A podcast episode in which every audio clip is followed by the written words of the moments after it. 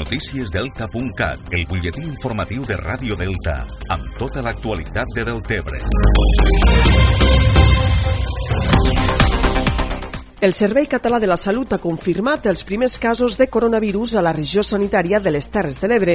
La gerent de la regió sanitària, Mar Lleixà, la directora de l'Hospital de Tortosa, Verge de la Cinta, Maria José Rallo, i el sotsdirector de l'Agència de Salut Pública del Camp de Tarragona i les Terres de l'Ebre, Conrad Cases, explicaran este matí la situació actual al territori després que en les darreres hores s'hagin donat els primers positius per coronavirus a la regió sanitària de les Terres de l'Ebre.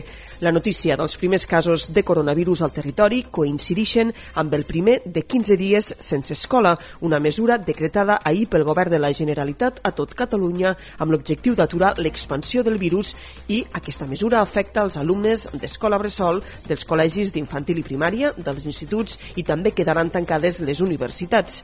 A Deltebre han tancat ja tots els centres educatius fins al pròxim 27 de març com a mínim. El president de la Generalitat, Quim Torra, justificava ahir esta dràstica mesura per la necessitat d'aturar la pandèmia pandèmia del coronavirus. Ens cal abaixar el ritme per poder contenir la pandèmia i evitar el col·lapse del sistema sanitari.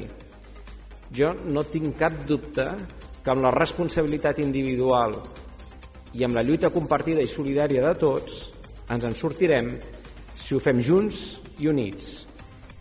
Davant la crisi del coronavirus, l'Ajuntament de Deltebre ha pres també mesures de prevenció que passen pel tancament de diferents equipaments municipals fins a nou avís.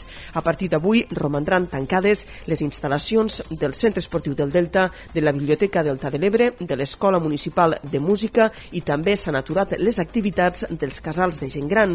En conseqüència, han quedat cancel·lats tots els actes culturals, festius i esportius previstos per als pròxims 15 dies al municipi i des de l'Ajuntament es recomana recomana a entitats i associacions evitar activitats col·lectives. Això és tot el que us podem explicar per ara.